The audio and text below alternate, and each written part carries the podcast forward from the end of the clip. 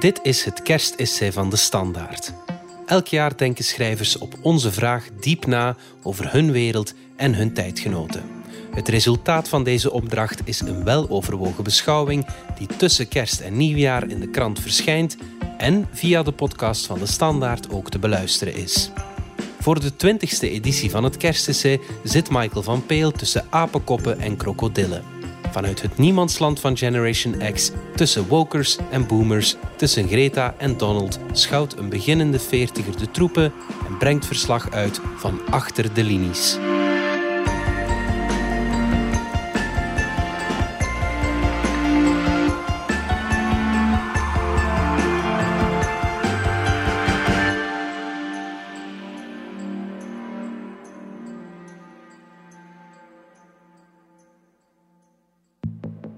Tussen apenkoppen en krokodillen. Deel 2. De veranderaars. For the times they are a-changing. Bob Dylan, 79 jaar. Oké, boomer. Straks is het dan toch zover in het land of hope and glory. Midden in een pandemiestorm van muterende virussen, jaren nadat 51,89% van hen op een druilerige junidag in het pre-corona-tijdperk 2016 stemde voor Leave, wordt de Brexit ook in de praktijk een feit. De Britten rennen richting White Cliffs of Dover met de halstarrigheid van een bende lemmingen. En wat Boris Johnson betreft ook de haarstijl. De breuklijnen tussen pro en contra lopen duidelijk langs de generaties. Driekwart van de min 25-jarigen stemde tegen, 60% van de 65-plussers stemde voor. De oude lemmingen sleuren de jongeren bij hun nekvel mee de afgrond in. Het referendum werd dan ook een fuck you van de oudere generatie naar de jongeren genoemd. Dit keer waren het de ouderen die met hun demografische overwicht een kentering in gang zetten. Zij het een terugkeer naar een droombeeld van vroeger. Een contra-revolutie dus. Tegen verandering. Je kan je afvragen wat het electoraat van 2020 van dit referendum vindt. Intussen zijn we 4,5 jaar verder en een coronapandemie verder. Op die tijd zijn er ruwweg 3 miljoen ouderen, vooral leave-stemmers, gestorven en 3,5 miljoen 18-jarigen, vooral remainers, bijgekomen. De Royal Statistical Society berekende dat bij ongewijzigd stemgedrag de uitslag in 2022 zou omslaan in het voordeel van Remain.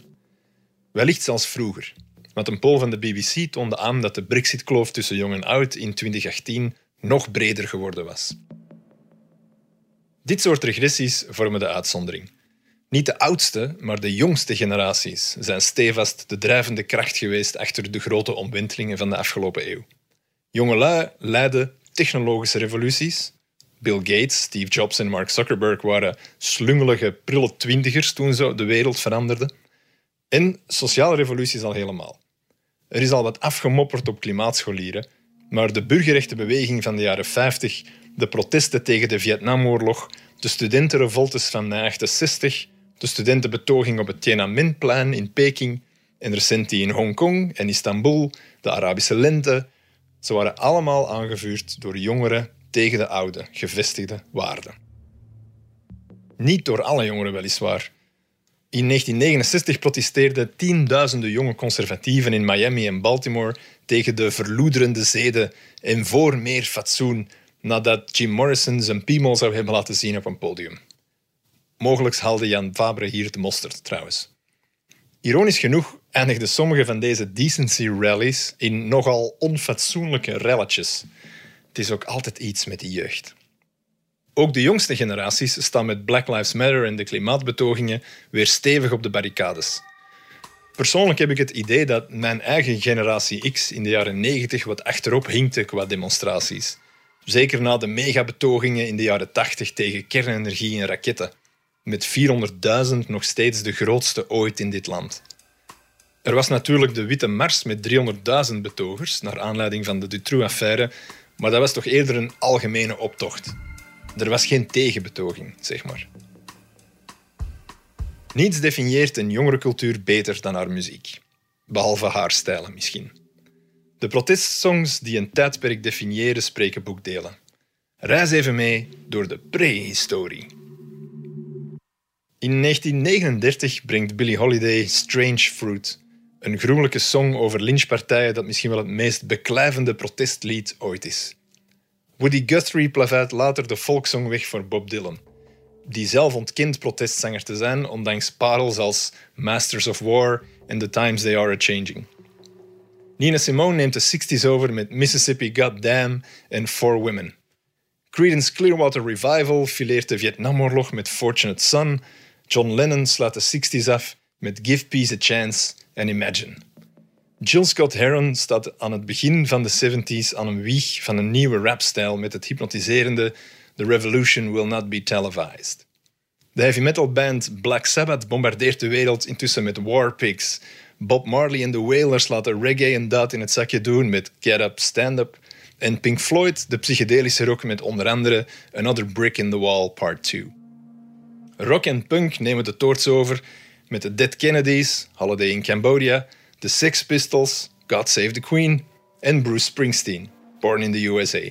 Een nummer ooit nog gebruikt door Reagan in zijn presidentscampagne nadat hij niet goed naar de tekst had geluisterd. In de jaren 80 wordt hip-hop het nieuwe protestgenre met onder andere het iconische The Message van Grandmaster Flash en The Furious Five, Fight the Power van Public Enemy en het iets minder diplomatische Fuck the Police van NWA. Metalband Metallica scoort een hit met One, een nummer over een Athene gereten soldaat aan het front in Wereldoorlog 1. In de 90s blijft er niet veel over van de protestsongs uit de jaren 60 en 70. De jongens van Rage Against the Machine steken nog peper in de revolutionaire reet met Killing in the Name. Een van hun video's, Sleep Now in the Fire uit 1999, voorspelt zelfs het presidentschap van Donald Trump, toen nog als grap bedoeld. Nu is dat niet veel anders natuurlijk. Een zombie van de Cranberries brengt de Noord-Ierse Troubles in herinnering. Maar mijn 90s lijken toch vooral samengevat door Milan Farmers Génération Désenchantée, de ontgoochelde generatie. Kurt Cobain schreef de hymne van Generation X, Smells Like Teen Spirit, op het album met de letterlijke titel Laat maar zitten, of de Nevermind. De Amerikaanse hitlijsten van de jaren 70 werden nog aangevoerd door de Bee Gees en Elton John. De best verkochte platen in de jaren 80 waren Michael Jackson's Thriller en Pink Floyd's The Wall. En de 90s? Wel, naast Alanis Morissette's Jack Little Pill waren de best verkochte platen in de VS Millennium van de Backstreet Boys en de soundtrack van Titanic. En u dacht dat 2020 zakte? Het was rijkhalzend uitkijken naar de ijsberg. Generatie X, generatie niks op de radio, ja. I hate myself and want to die, zong Cobain. En hij knalde op zijn 27e met een jachtgeweer zijn teenage angst all over the floor.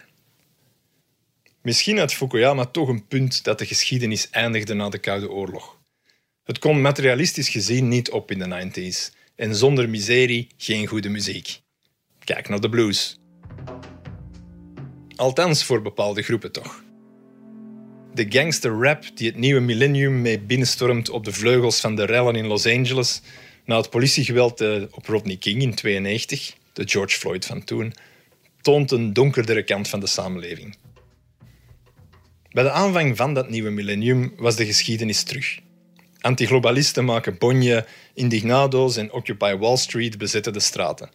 De Arabische lente davert van de Maghreb tot het Midden-Oosten en de protestsongs evolueren van anti-oorlog en kritiek op het neoliberalisme naar thema's als feminisme en girl power.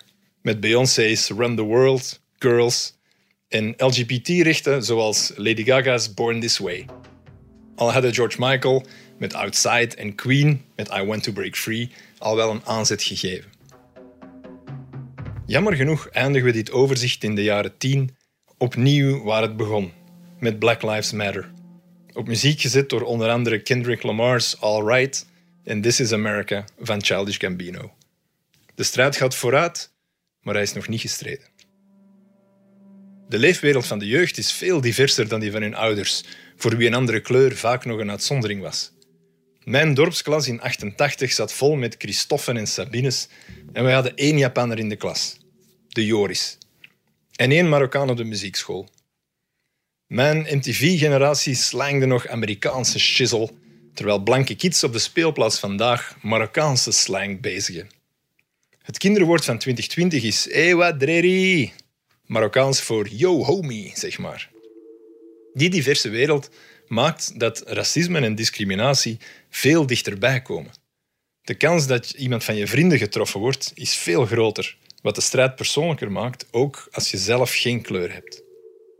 Eigenlijk is het indrukwekkend hoe die massale nationale protesten uit de jaren 70 en 80 überhaupt georganiseerd raakten, nog voor er zoiets als Facebook of een gsm bestond. Men deed het puur met kettingbrieven, affiches en flyers. Jongeren vandaag zijn wereldwijd met elkaar geconnecteerd. Ze staan meer in verbinding met generatiegenoten uit een ander continent dan met de oudere generatie van hun eigen land. Hun protesten worden zo globaal en invloedrijker.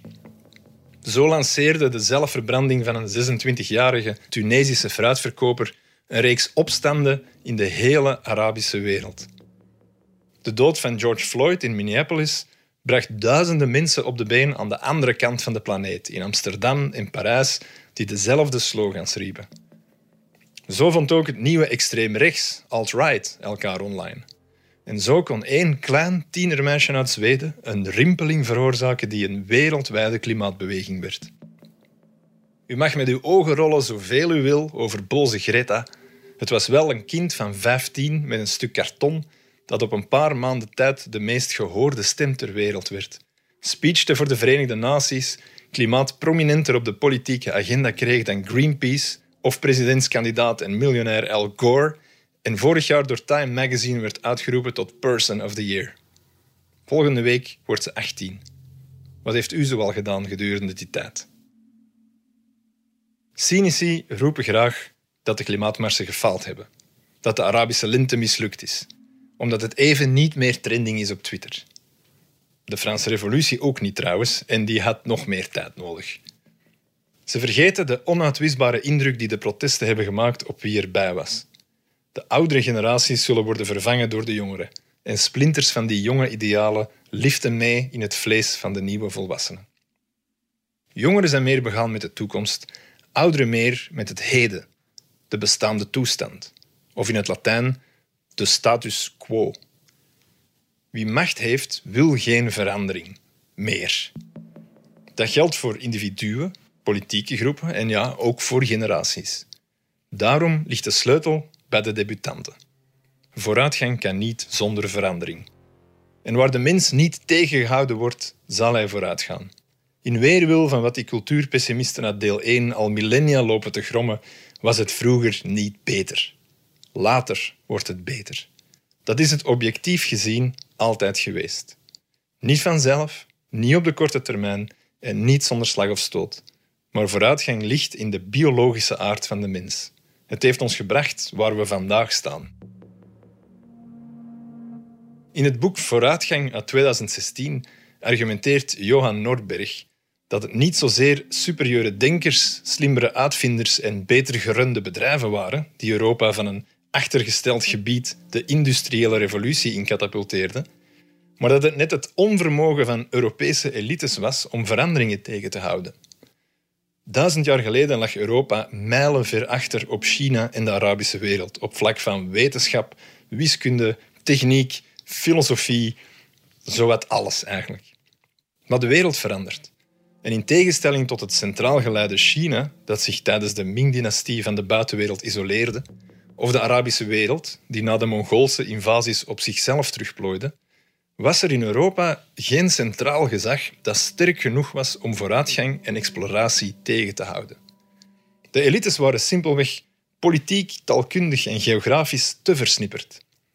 Zelfs toen de Europeanen een systeem van natiestaten bedachten, bleven ideeën, technologie en kapitaal zich van staat naar staat verplaatsen, waardoor die laatste wel met elkaar moesten concurreren en tot modernisering gedwongen werden. Mede zo werd Europa, en niet het gedoodverfde China, het continent waar de industriële revolutie zich voltrok. Kolonialisme, imperialisme en slavernij deden achteraf de rest.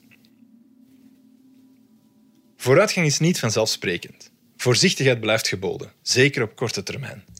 Vooruitgang wordt op elk vlak, economisch, sociologisch, filosofisch, medisch, gestuurd door een toename in vrijheid, wetenschappelijke kennis en samenwerking. De grootste bedreiging voor de vooruitgang zijn angst voor het onbekende en behoudsgezinde krachten die verandering tegenhouden.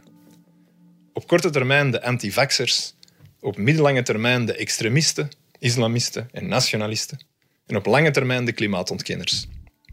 Maar zolang de generaties elkaar opvolgen, zullen deze bedreigingen demografisch het onderspit delven. De toekomst is, letterlijk, aan de jeugd.